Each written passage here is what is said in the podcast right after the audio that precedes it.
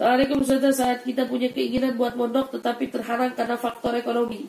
Saya ingin bertanya apakah ada doa atau amalan agar keinginan kita itu bisa terwujud Ustaz?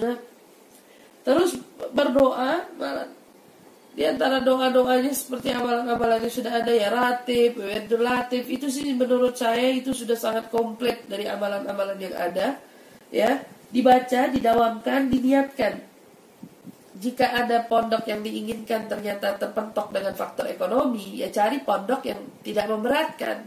Jadi kadang-kadang gini loh, ada orang pengen mondok, tapi mondoknya tuh kekeh maunya pondok yang itu. Kalau bukan pondok yang itu, ya saya kagak mau. Nah itu yang kadang-kadang keegoisan kita akan satu pondok atau satu keinginan yang membuat kita terbentur untuk mendapatkan keberkahan dan kebaikan.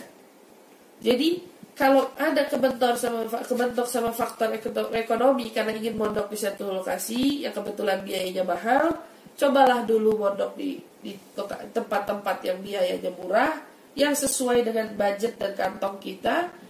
Insya Allah dengan izin Allah kita tidak tidak kekurangan barokah ilmu. Kalau kita niat tekun lambat tahun kita akan mendapat keberkahannya juga. Siapa tahu ada rezeki dari Allah dengan tekad kita yang bulat akan mengantarkan kita kepada tujuan inti kita, tujuan utama kita. Seperti itu aja.